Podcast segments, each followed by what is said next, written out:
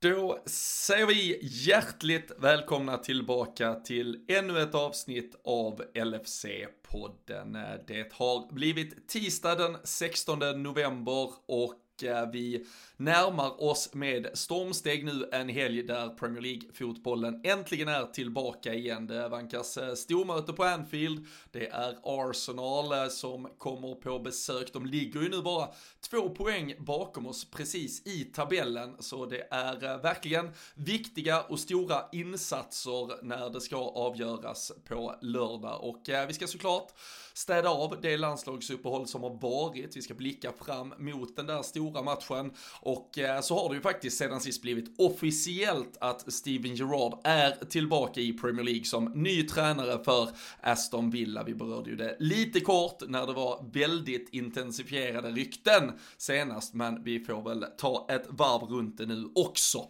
Vi gör som vanligt avsnittet tillsammans med LFC.se. Det är ju där ni håller er uppdaterade kring allt som rör laget i dagarna som passerar mellan våra avsnitt. Eh, det är ju just nu många spelare som är sådär på gränsen. Är de redo för spel eller inte? Många som var tillbaka i någon form av träning idag, men på LFC.se så håller man ju sig helt perfekt uppdaterad på exakt status på allt och alla. Så eh, vi gör som vi brukar och rekommenderar att alla har LFC.se som sin startsida och självklart att man också löser ett medlemskap i den svenska supporterklubben. Men nu rekommenderar vi er att sätta er till rätta och så sparkar vi igång ännu ett avsnitt av LFC-podden.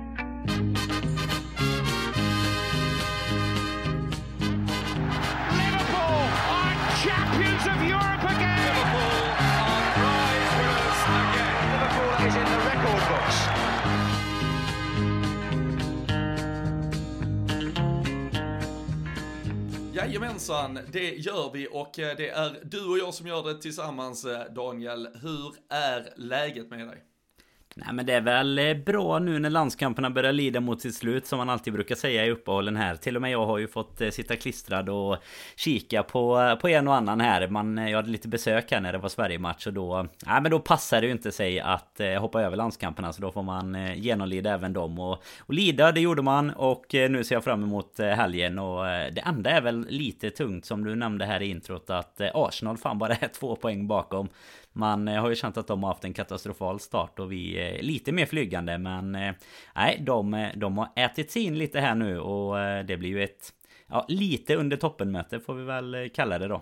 Ja men alltså hade, no hade någon sagt för två månader sedan där precis i ja, men början av september ungefär att ja, men när Arsenal kommer här uh, i slutet av november på besök och eh, då, då kommer det liksom vara livsviktig sexpoängsmatch om eh, det där strecket och eh, toppstriden precis under de absolut största lagen eller bästa lagen ska vi ju, vi ska absolut inte kalla dem störst men, äh, men då hade man väl trott att man var galen eller att man var och pillade på flaskan eller någonting.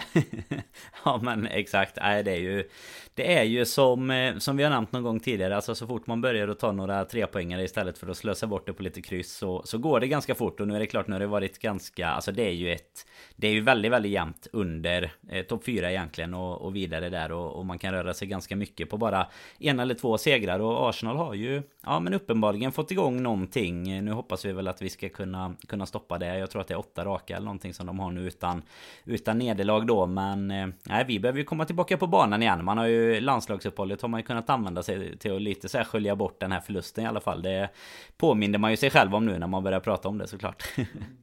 Och eh, det var ett eh, landslagsuppehåll eh, som gav oss eh, först en, eh, en skadad eh, Sadio Mané, link av efter 28 minuter i Senegals match. Sen en Jordan Henderson som kastade in handduken efter att han hade gjort både mål och assist för Englands i deras första match under det här, den här samlingen. Och sen en Andy Robertson som klev av med en känning i en hamstring igår. Så det, alltså det är ju fan det är ju någon jävla skadejävul som eh, sitter där uppe och bara skrattar åt oss och delar ut dessa skador känns det som. Eller måste vi börja titta oss i spegeln och undra vad fan vi har, eller hur kanske rättare sagt, vi har tränat de här spelarna för det, det är ju numera mer regel än undantag att våra spelare faktiskt skadas när de kommer ut i en ny miljö. Det återvänds ju alltid två, tre spelare till Melwood, eller Kirby och AXA mm -hmm. Training Center måste man vänja sig vid. Men äh, som sagt Anne, det, det är fan, äh, ja, mer regel än undantag känns det som. Ja, du tyckte väl att jag jinxade i landslag, eh, landslagsuppehållet här lite med Morata när han eh, gjorde mål på Sverige. Men jag vet inte fasen om inte jinxen det jag sa att vi skulle komma tillbaka utan skador den här gången var, var än värre med de här... Ja men de tre som du nämner och... Alltså det är ju en fråga man i alla fall måste ställa sig. Varför eh, Varför de alltid lyckas skada sig på eh, Alltså på sina respektive landslagssamlingar. För att Det är ju uppenbarligen någonting som vi gör, alltså det måste vara någonting som blir fel liksom. För att det är så här mycket skador ska man ju verkligen inte behöva ådra sig. Och även, även tycker jag, alltså om man jämför med typ Klopps ja, men de första ja, men åren och det, alltså det, det kändes som att vi var väldigt, väldigt befriade från det och att det fanns någonting istället som vi gjorde så ja, men så extremt rätt liksom. Att vi inte hade så mycket skador och framförallt inte på nyckelspelare och sådär. Men nu känns det som att det, det avlöser varandra och jag vet inte riktigt om vi längre alltså vi, vi hade ju allt det här med det täta schemat kring eh, pandemiuppehållen och sådär och, och skylla på ett tag. Men jag vet inte om vi riktigt kan göra det längre för nu känns det som att eh, professionella fotbollsspelare i den miljön alltså nu är vi ju tillbaka i, i det vanliga schemat om man säger så. Så att eh, nå någonstans måste man väl börja titta sig lite i spegeln. I alla fall ställa frågor om, eh, om kring varför det blir som det blir. Och jag menar hamstring är ju ett ord man ser eh, varje dag känns det som. Någonting som hamstring-coachen behöver fixa. ah, för fan, det ska, jag, ska, jag ska muta det på Twitter nu. Så Nej, då blir flödet blir helt tomt. det, det, det, det blir en Liverpool-nyhet nu på, på flera veckor. Nej, men vi, vi får se. Just uh, Andy Robertson uh, är väl den det är mest uh, oklarhet kring just nu. Samtidigt så var det ju en uh, Kostas Simikas som flög fram på den grekiska kanten. Han uh, skickade faktiskt in ett par rätt så heta inlägg i, i deras första match mot Spanien. Då, då satt man ju och hoppades på något mirakel efter att vi hade chokat borta mot Georgien. Men eh, sen också i, i, deras avslutande match så var han ju en riktig stjärna på planen. Han har skapat eh, sju målchanser och eh, han bidrog ju med, med allt offensivt egentligen. Då spelar han ju någon form av wingback i en 3-4-3 uppställning eller lite, lite modifierad. Men vi har ju pratat tidigare här också Danne om att det kanske ändå var tid att ge Tsimikas chansen. Men med det sagt så vill man ju väldigt gärna ändå ha kvar Andy Robertson som ett alternativ på bänken. Men eh, det ser väl kanske ut som att vi åtminstone kommer få se greken från start mot Arsenal till helgen i alla fall. Ja men det skulle jag tro. Det har ju inte, som du säger, det har inte kommit ut jättemycket uppgifter kring eh, kring omfattningen av Robertsons skada men det har väl alltså man ska absolut inte kalla som, det Nej alltså, inte oavsett, som att det blir till helgen Ja, och alltså oavsett, även om det till och med skulle vara superlindrigt med Robertson, alltså om det finns minsta lilla, med tanke på hur nära Simikas måste kanske ha varit ändå att slå sig in för att mm. få en chans, så måste det väl att den sista lilla pusselbiten, oavsett då omfånget på Robertsons skada här. Ja men så känns alltså, ja, man vill ju inte kalla det typ en blessing in disguise för det är aldrig bra att ha skador men det är ju, är det någon spelare man ändå har känt eh, som det kanske var dags att han skulle få vila lite så var det ju Andrew Robertson och, och Simika som istället haft en väldigt liksom uppåtgående form och visat sig, ja men det har varit väldigt positivt egentligen varje gång han har fått chansen. Så så tycker jag väl att det, det ska väldigt väldigt mycket till för att Robertson ska stå på på teamsheet där på, på lördag kväll. För som du säger alltså oavsett om det inte skulle vara särskilt särskilt eh, allvarligt så, så finns det ingen anledning att riskera någonting när vi har eh, en som, eh, ja, men som är så nära elvan i övrigt egentligen.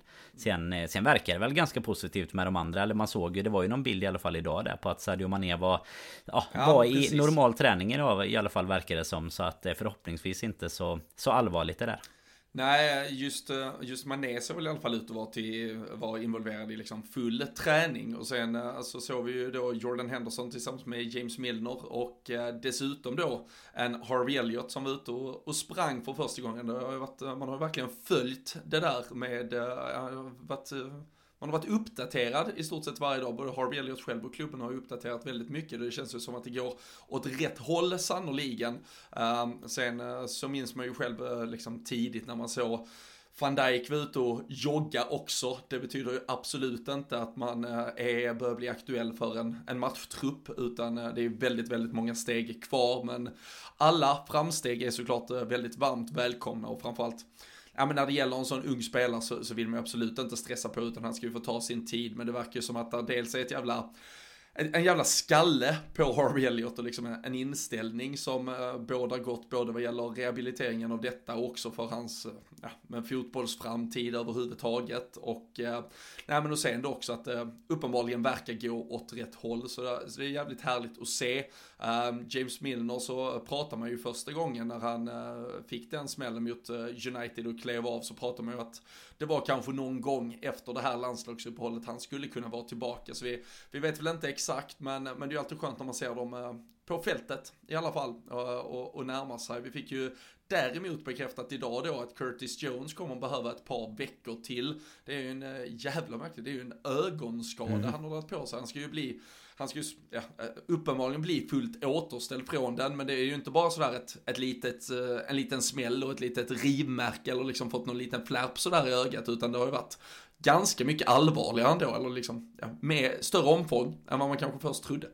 Ja men verkligen. När det, när det kom alltså han var väl redan eh, liksom hade varit lite halvskadad och, och på väg tillbaka och så fick man så här okej okay, nu kommer en, en ögonskada här så att han missar matchen. Det var ju jävligt märkligt men så tänkte man ju att det var kanske någon liten smäll. Men jag menar nu börjar det ju ändå bli redan då ett par veckor och så nu då ett, eh, ytterligare ett par veckor till. Så att eh, man, man undrar ju vad fasen det han har lyckats eh, vad, vad han har lyckats involvera sig i med eller framförallt sitt öga då eller vad det Ja för, för jag menar man det, det, är givetvis någonting han måste återställa och ha, ha fullt fokus på. Men jag menar, en, man kan typ inte tänka sig vilken sorts ögonskada det är som gör att du är borta typ en, två månader som inte skulle vara Alltså riskera att vara så allvarlig att du kan vara borta ja, men ytterligare en, två månader till efter det egentligen. Eh, Det är väl eh, bristen på eh, ögondoktorsexamen i, kanske i min utbildning men Nej jag vet inte fasen. Det, det är lite oroande så här. Den, Det blir också lite Alltså, eller, jag vet inte, det blir inte så diffust för vi får ju ändå reda på att han kommer vara borta men Det är lite som med vissa andra skador som har varit de senaste åren. Man, eh, man fattar inte riktigt vad det är han är borta för och äh, men hur, hur länge det egentligen kommer bli men det är inte säkert om eh, de själva vet det heller såklart. Uh, man, vill, man, vill, ju mer ha den här eh, uh, Nabi Keita-tydligheten, att det är prisoner of war, liksom att man vet att uh, nu, nu är han, han är, hålls av gerillan i två veckor och sen är han tillbaka. Det ska, det ska vara lite tydlighet, men, uh, men Liverpool hade ju till och med en uh, specialistläkare som då uttalade sig på, på officiella hemsidan idag just för att det, det är kanske så extremt eh, och, och, eller så annorlunda så, såklart liksom. Men eh, de är ändå tydliga med att han kommer komma tillbaka, få full, eh, full syn och allt kommer att bli bra. Men uppenbarligen behövs det mer vila. Så det får vi ju ge den gode Curtis och så får vi bara hoppas. Nu, nu har vi ju en Sydamerikansk landskamp, ehm, Argentina-Brasilien i natt. Eh, Fabinho spelade bara lite i den första landskampen här, denna samlingen. Och Brasilien är ju VM-klara nu, så vi får väl se. Men ehm, man kan väl, eh, vi kan väl konstatera att om vi höll eh, tummar, tår och allt däremellan och lite till, att det inte skulle bli några skador tidigare. Så en sista mittfältsskada på Fabinho nu, så då är det bara för dig att packa väskan och flyga över i alla fall. Ja det är det, man, skorna är polerade i alla fall så att eh, är redo. Arsenal som sagt, det ska man väl Det ska vi väl kunna lösa i så fall. ja, du, du mot El Nenni på mitt Ja det, det känns som det kan bli en relativt jämn match. Ganska ja. tuff, tuff match men eh, jämn är det Copa Mundial som står i uh, garderoben i Borås? Det, det, finns, eh, det finns ett par Copa Mundial. Jag vet inte varför det faktiskt egentligen finns eh, flera skor fortfarande. Det är ju ja, länge, sedan de var, det är länge sedan de var igång. det är länge sedan de var igång. Men det är Nej det är lite gott och blandat faktiskt. Något, eh, något par Umbro och sådär med. Man ska ändå man ska diversifiera sig. Du, du, du, du, är redo för att skriva vilket skokontrakt som helst om du blir aktuell helt Nej, Ja ja precis. Det känns ja. inte. Jag ska inte låsa, låsa mig eh, så här tidigt. De, får, de får fightas lite.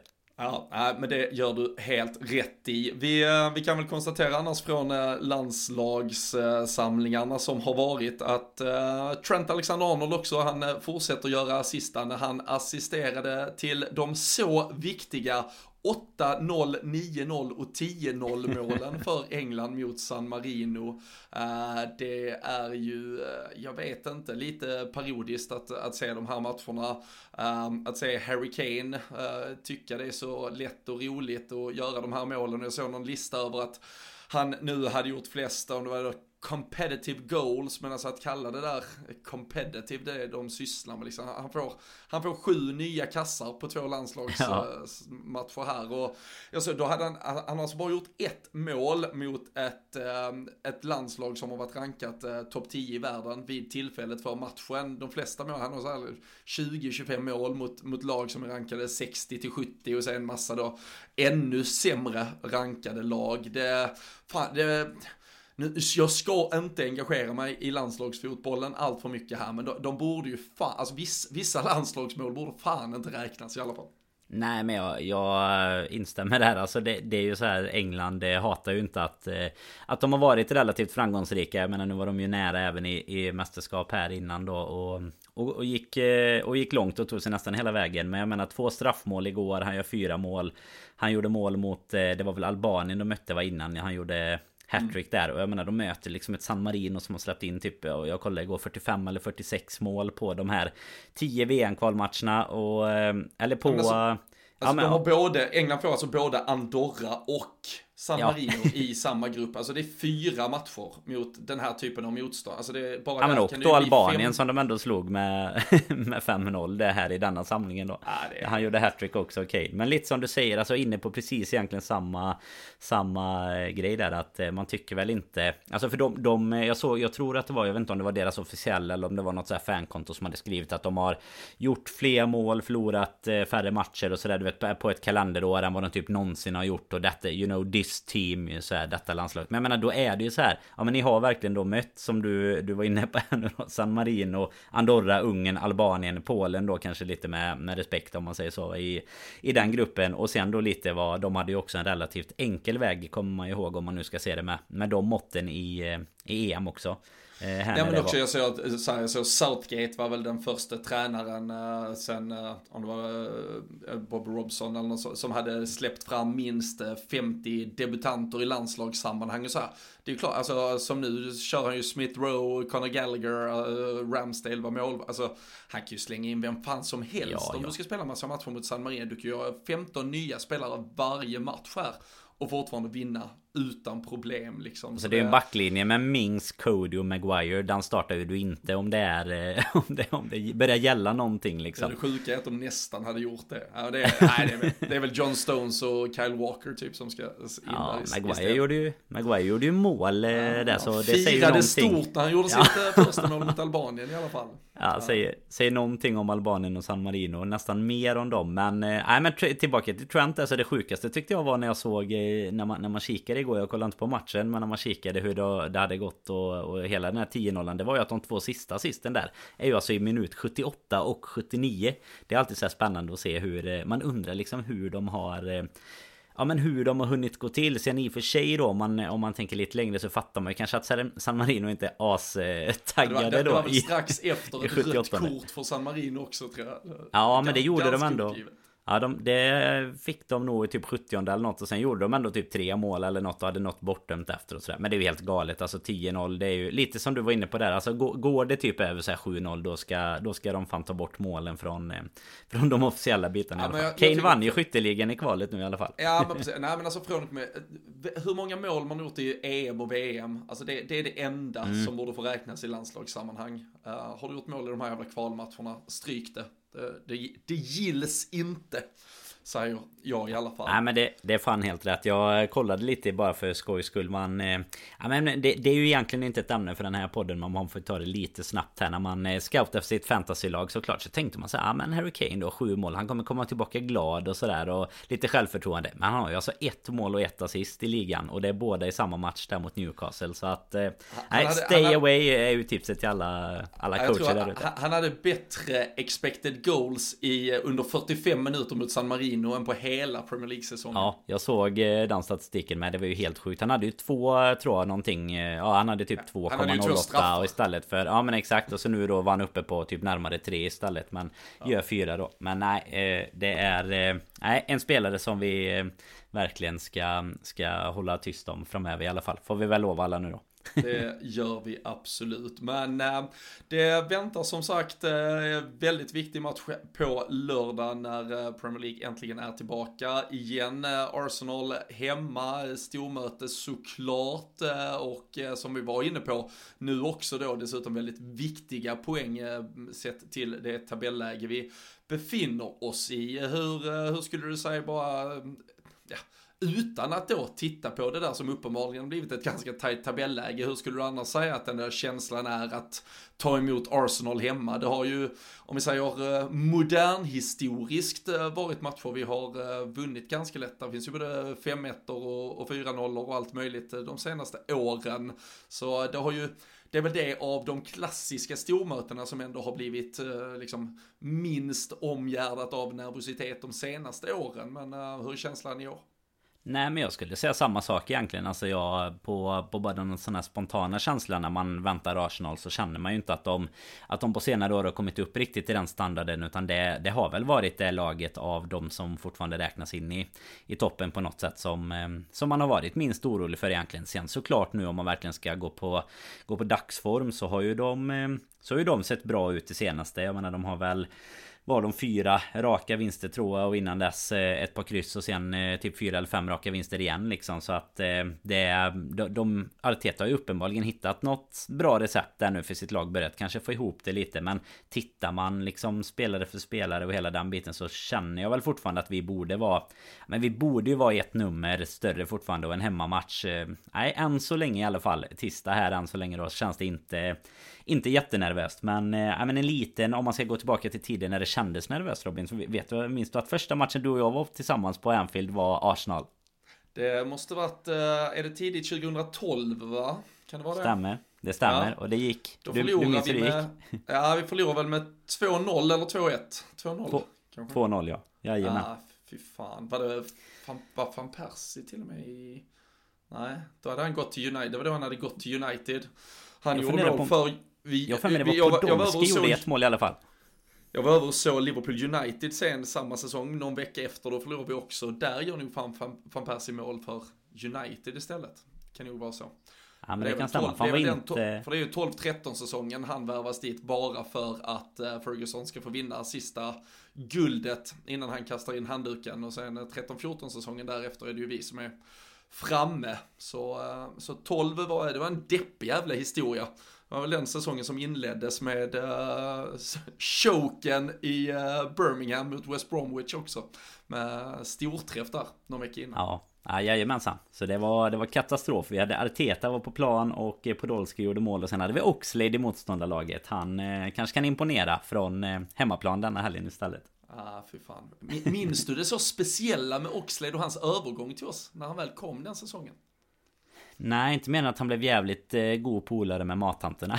Men det var inte det du tänkte på eller? Nej, det var ju att han faktiskt då också, då mötte vi också Arsenal precis som då 2012 mötte vi dem väldigt tidigt på säsongen. Så han hade ju faktiskt mött oss i augusti där, när, ah, vi, okay. när vi slaktade dem. Det var där eh, Salas eh, omställningsspel och, och, snabba kontringar och, och snygga mål och allting. Så alltså, han var ju först med och förlorade för Arsenal mot oss och sen blev han klar för oss. Eh, lite som Dean Smith som nu har tagit över eh, Norwich efter att han fick sparken då från Aston Villa i mötet, eller efter mötet mot Southampton så kommer han tillbaka och ska möta Southampton med Norwich denna veckan direkt efter landslagsuppehållet. Det finns massa sådana märkliga historier. Det är sånt man kan grotta ner sig i när det är landslagsuppehåll och man inte har något annat att göra. ja men verkligen. Det var ju en, en jäkligt kort karusell för Dean Smith får man säga i alla fall. Det var, ja. det var inte många dagar han behövde vara utan jobb. Nej, och eh, han är nu officiellt också ersatt av eh, Steven Gerrard i Aston Villa. Ni eh, var inne på det du och Fredrik, pratade lite om känslorna kring om det nu skulle bli så och att få tillbaka honom nu. Kan vi då konstatera att det är mindre än en månad bort till att han också ska komma till Anfield. Han hade ju sin första intervju med ja, Aston Villa TV, eller klubbkanalen där eh, under måndagen. Så det var ju verkligen viktigt för honom att betona och understryka att han åker till Anfield för att vinna. Uh, och det, det utgår man ju så, såklart ifrån. Det, han är ju en vinnare ut i fingerspets. Alltså jag tror inte, eh, han kommer inte ha några som helst problem. Uh, sen är det väl, alltså jag utgår ifrån att han får ett uh, otroligt jävla välkomnande. Det bör han ju gå ut och liksom ta emot, men eh, sen direkt det blåses i pipan så kommer han ju göra allt i sin makt för att försöka vinna och skulle de mot förmodan göra det eller ta poäng eller vad som helst så, liksom, så kommer ju Liverpool såklart vara frustrerade och vi var frustrerade men det, det är ju inte, det är inte hard feelings mot en legend som kommer dit som tränare. Det är ju hans förbannade jävla jobb att försöka vinna fotbollsmatcher för sitt lag nu. Ja, ja, alltså exakt eh, allt det du sa egentligen kan jag säga. Alltså det är samma som jag antar att var, man var inte riktigt med på den tiden Men när, när Kenny Dalglish kom och, och tränade andra lag mot, eh, mot oss på Anfield liksom Det kan inte ha det, Alltså det går ju inte att eh, ha några hard feelings. Alltså jag vet att det säkert finns de som eh, Som funderar på det eller tycker det eller på något sätt Men jag menar det nej, Som, det som vi har diskuterat Nej men som vi har diskuterat är det väl snarare ett eh, Alltså ett perfekt, alltså jag och Fredrik pratade om det lite sist Alltså ett bra mellansteg som vi tycker i alla fall på vägen till att kanske då på sikt kunna bli Liverpools tränare. Alltså det är ju perfekt att komma in i Premier League Ett lag som, ja, men som ändå vågar satsa Har ett, liksom det, det är en stabil klubb han kommer till och eh, alltså, nej men precis som du säger, han ska hyllas både inför och efter matchen. Men under, eh, under de 90 minuterna så, så kan man ju inte säga något annat. Att han, att han såklart ska försöka, försöka vinna. Sen hoppas ju vi att han inte gör det. Men tänk, eh, tänk scenen när man går ut i, i första intervjun i, på Aston Villa TV och bara Nej nej, då, alltså då 11 december, då tänker jag skita i då, då, jag vill inte vinna. På Anfield, yeah, där kommer jag yeah, lägga cause, mig. yeah, cause you know, we, I see it more like we have 20, uh, 25 games, not 27, you know, because it's two losses against Liverpool that are already planned. Yeah, yeah, course, yeah, course. Och där klippte vi alltså in eh, Gerard från eh, första intervjun. Nej men det blir, ju, det ju en god anledning till att kolla på Aston Villa Brighton i helgen i alla fall. Den matchen hade man ju inte valt som 16 match om inte det var för att Steven Gerard kommer stå på, på alltså, tränarbänken. Eh, jag blev, blev fan lite orolig eftersom vi har dem då ganska sent nu på säsongen också i den här, för, alltså första gången, det är första gången vi möter dem nu här i, i december. Så blev, han ju bli lite orolig liksom kring hur jävla sent har vi då bortamötet mot dem? Uh, jag tror jag dubbelkollade, det är typ omgång 32 eller 33, så det är inte så livsfarligt sent som jag först var lite rädd för liksom ha den borta i omgång 37 och så, och så ska det vara liksom, det hade ju varit helt sinnessjukt om det hade varit Steve Gerrard som förstörde Liverpools chans att vinna en ligatitel. Uh, alltså det, då, det vet jag fan inte hur han hade klarat Nej, då hade han bara fått lägga liksom. sig. nej, men, nej, men alltså så här, haft det i omgång 38. Uh, eh, det enda Liverpool behöver så här, de har alltid egna händer. Vinner vi så vinner vi ligan. Och så ska han gå dit och försöka göra så att Aston Villa stjäler en poäng som inte handlar om något annat än att de kommer 11 eller 12 i Premier League. Då hade man ju nog eh, det, det, hade varit en svår natt inför den eh, matchen i alla fall för Steven Gerrard. Det, det vågar jag eh, ta gift på tror jag. Ja men det, det hade också varit rätt eh, jobbigt för dem. För han hade ju haft allt att förlora på att Alltså oavsett om man kommer dit och gör en bra match ja, ja. Och vi vinner så kommer det vara så här ah, Ja men det var Steven Gerrard, han la sig såklart o, Alltså hur matchbilden än hade sett ut Så hade det ju blivit den eh, reaktionen efteråt Så det är väl bra, vad sa du? 32 eller någonting sa du va? Så, det är, ja, 32, så, så tidigt lär vi väl inte Jag menar man, man har utlovat en titel Men inte i omgång 32 Det Eh, det vågar jag också lova.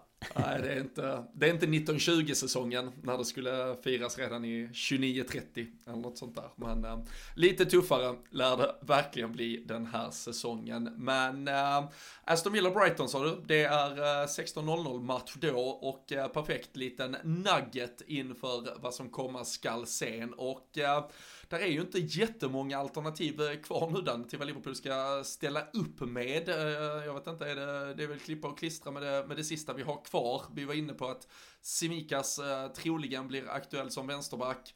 Trent är ju, eh, peppar peppar, eh, frisk och hel i alla fall, så han kamperar ju såklart på andra kanten. Van Dijk spelar eh, as we speak för, eh, för Holland och eh, vi hoppas väl att han också återvänder eh, hel och kurant. Men vad tror vi annars om laget och framåt hur vi ska ja, försöka ställa upp 11 friska spelare ändå utifrån de förutsättningar som finns? Nej men utöver de du, eh, du nämner där Det är väl egentligen mittbackskollega Om det nu är Matip eller Konate kan jag känna är lite 50-50 Jag tycker väl inte Alltså jag, jag, tycker att Matip har gjort en så pass bra säsong eh, så här långt att, eh, att han egentligen borde vara första valet fortfarande. Sen såklart är det han som, som startar i, i matchen vi har lite mer problem med nu sist. När vi förlorar mot West Ham. Och Konate med i matcher innan där, där det har sett bättre ut. Men annars är det väl egentligen Alltså mittfältet som, som du är inne på nu lite beroende på eh, på Henderson och sådär då. Men annars är det väl att Fabinho får komma tillbaka. Eh, att det blir en, en Henderson eventuellt då. Sen då um, är det väl egentligen alltså statusen på lite som du säger på klippa och klistra där är väl hur, hur vi kommer kunna göra. Jag menar kan nu Thiago till exempel som har kommit in lite inte sett eh, jättehet ut men nu kanske har fått eh, lite tid på sig och, och komma tillbaka. Skulle han kunna starta till exempel istället för en Oxley då som startar mot eh, West Ham och sen Framåt så är det väl såklart om man är Salah Jota i och med att eh, Firmino fortfarande är, är borta. Det är Trots väl inte heller så mycket. Divock Origis superinhopp mot West Ham ja. så är han inte aktuell. Nej, alltså jag tror inte att han är det från start Men han, eh, han har ju Statistiken den här säsongen talar ju för honom igen Alltså först dels det målet som är jättesnyggt Men sen även i, i kuppen där han spexar till det lite med klacken det, Han har ju eh, Han har Arsenal-form på honom nu nästan Ja, alltså, ja, äh, fy fan, jag trodde aldrig jag skulle säga det här. Jag får se om jag klipper bort det istället. Men alltså med, med Simikas vänsterfot så, alltså, jag, jag är fan inte helt oäven för att ha en lite starkare boxspelare där. Men jag, som sagt, Jota är ju inte värdelös på huvudet ändå. Nej, han är fantastisk. Han, han kommer att hitta de ytorna. Så vi, vi kan väl ge eh, chansen till honom först i alla fall. Men det som du säger, alltså Thiago, fy fan vad han inte imponerar. Nu, nu kom de första lilla Barcelona-ryktena i samband med Xavis eh, intåg där, att det skulle kunna vara aktuellt med en flytt hem, så sett till, till Spanien till exempel för honom.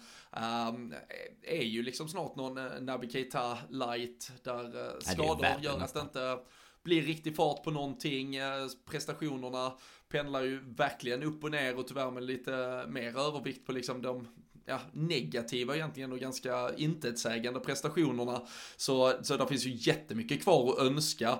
Och eh, står alternativet mellan liksom ett, eh, ja, en Oxlade eller en Thiago på ett, på ett tremannamittfält eller att man till och med skulle kunna, nu gör ju Klopp aldrig det, men eh, skulle man liksom eh, växla över det till en 4-2-3 uppställning och trycka in Divock Origi så är det ju Alltså, jag, jag ska inte säga pest eller kolera för det är Liverpool-spelare och vi älskar dem allihopa men äh, det, det, finns ju inget i, i min bok som gör att jag liksom känner mig jättemycket mer exalterad över att ha Oxlade på planen än Divock Origi. Uh, sen, sen vet, vet, jag att uh, Klopps uh, spelsystem alltid kommer främjas uh, före att man väger liksom en individ mot en individ och att elva spelare, det ska gå ihop utifrån hans mall snarare än att det är spelare för spelare som vägs mot varandra. Men... Uh, det... Jag ska bara resa mig från stolen sen jag trodde att du skulle säga att både Origi och Oxlade skulle starta. Alltså Origi på topp och Oxlade istället för Thiago nej. där tänkte jag ett tag. Där var det nej, fan nej, nej, alltså nej, jag, nej, jag, jag krälat på golvet i några minuter här nu.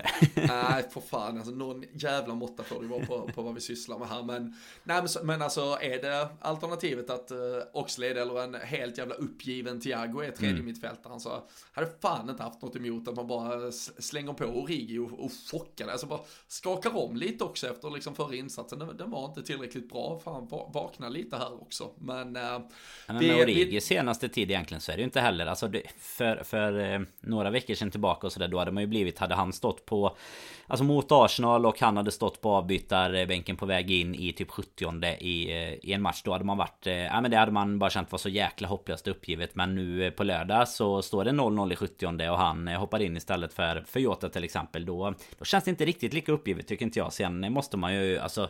Man, vi ska väl inte grotta för mycket i det än innan vi vet mer vad, vad som kommer hända med Thiago och sådär. Men alltså Thiago och Keita som du nämnde också där. Alltså deras här samlade förväntningar inför att de skulle komma och när de kom till vad det har blivit av det. Det är ju helt... Eh, alltså den... Eh, det är ju en, det är ju en cocktail som smakar så jävla surt att det...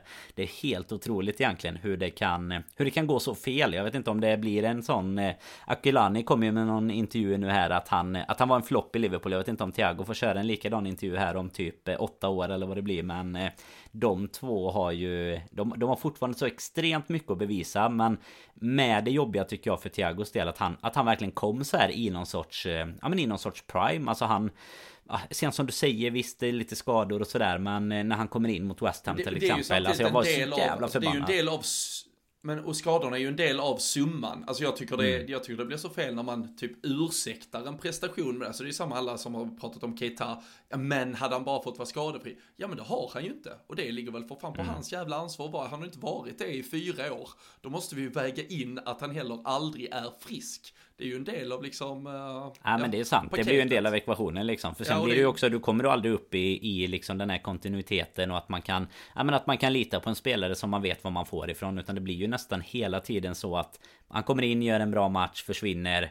Sen tar det tre matcher till eller fyra inhopp till innan, innan man är på den nivån. Och det, det funkar ju såklart inte i längden. Det är ju det vi har byggt egentligen hela våran, våran framgång på vad gäller Salah och Mané och, och Firmino också sådär. Och, och resten såklart med. Men om man tar målmässigt liksom så har det varit ja, men konstant leverans egentligen från Sala i, i så många år nu. Och givetvis så överglansande mot de andra Men skulle man eh, ha ett mer normalt snitt i ett lag så gör ju även de andra tillräckligt mycket poäng för att vara med i toppen av skytteligor och så vidare. Bara att han har liksom stått ut så mycket och där, eh, där blir det ju inte okej att ha spelare som man inte kan lita på och dels när de väl är tillbaka som Thiago var nu sist. Alltså det är ju så jäkla håglöst eh, från honom när han ska komma in och på något sätt då ja, men försöka ta oss mot en seger mot West Ham egentligen och, och bara se till att det blir ja men att det blir det omvända egentligen. Ja, för fan.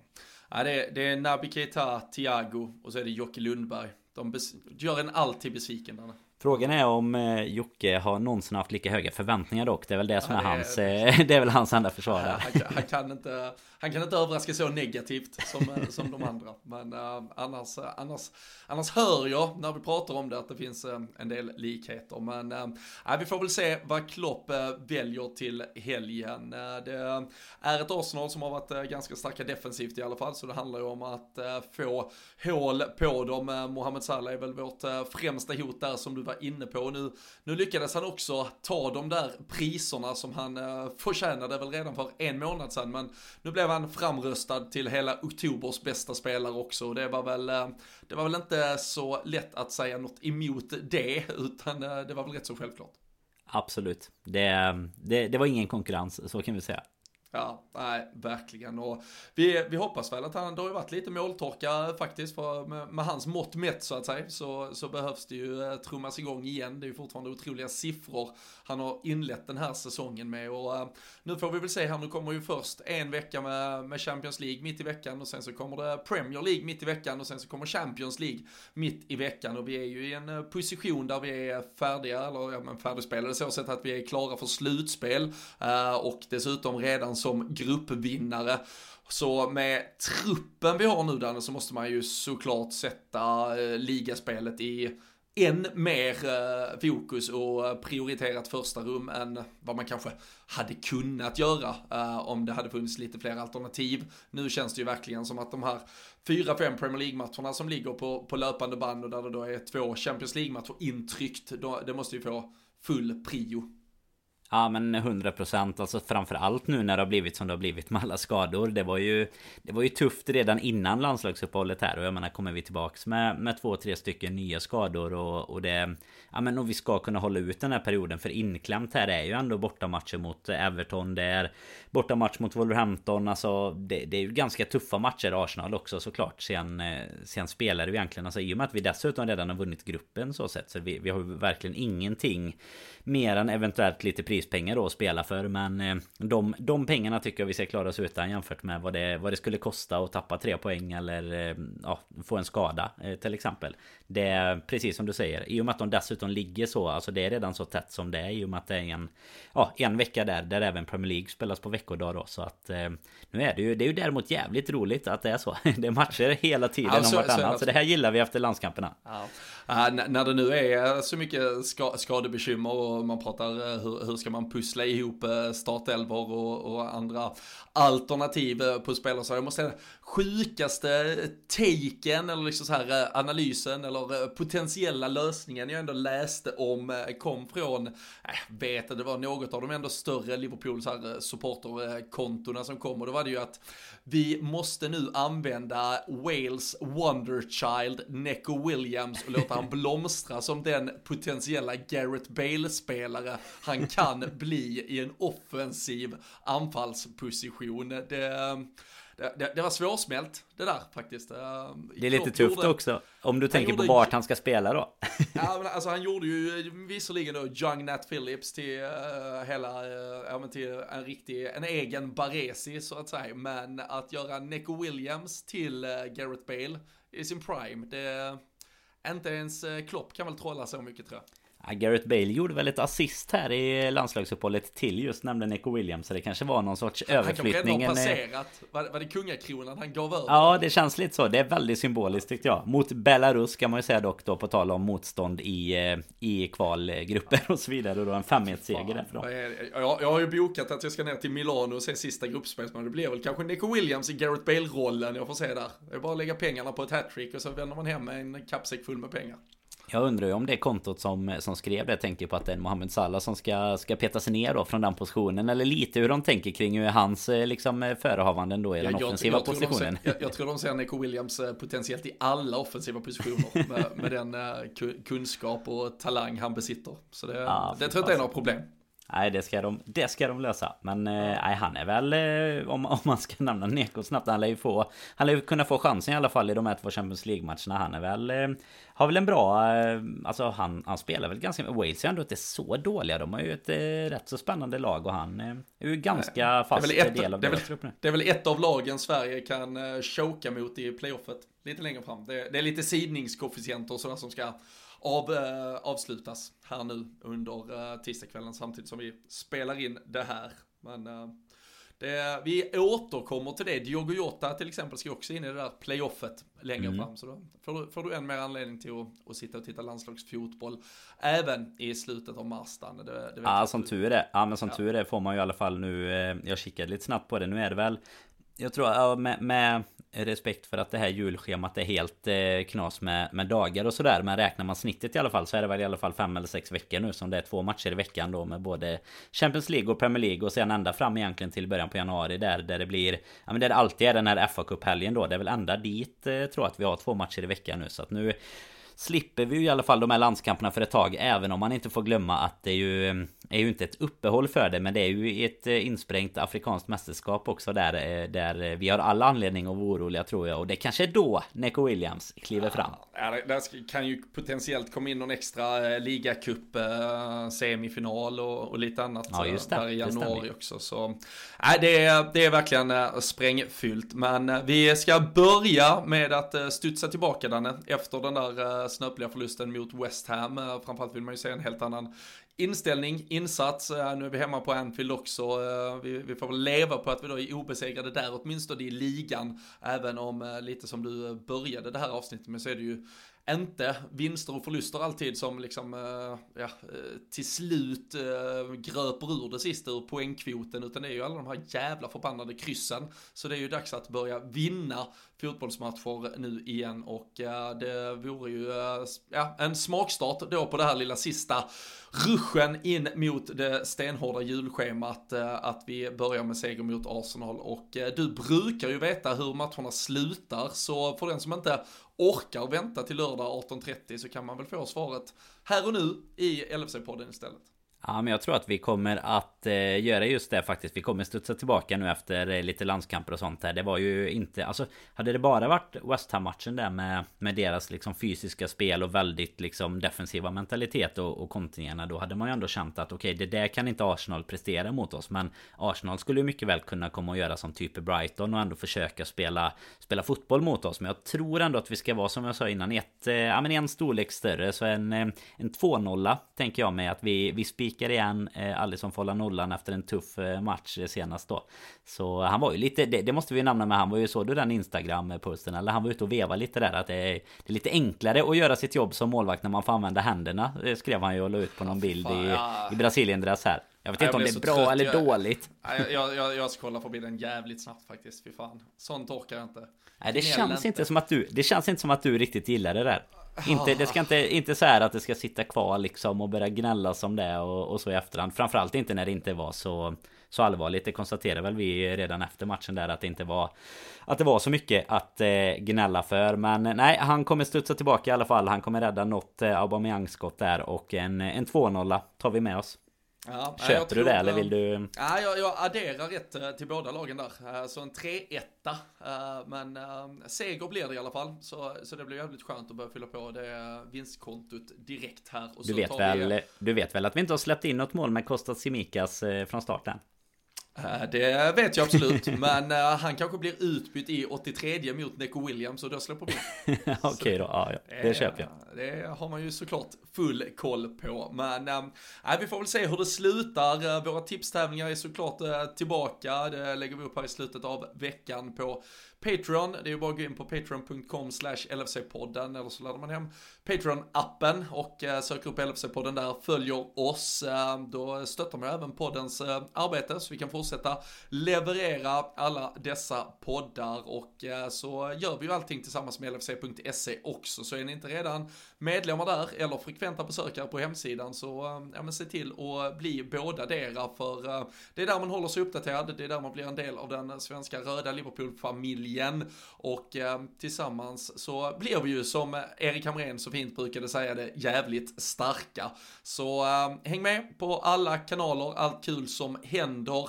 Tipstävling som sagt, den kommer ut här i slutet av veckan. Liverpool-Arsenal på lördag och eh, vi kommer såklart tillbaka med ett nytt avsnitt därefter. Eh, det växlas upp med intensivt matchande. Ni hör oss eh, ja, så fort Liverpool har spelat. Så eh, håll utkik överallt, häng med oss så hörs vi och ses vi snart igen.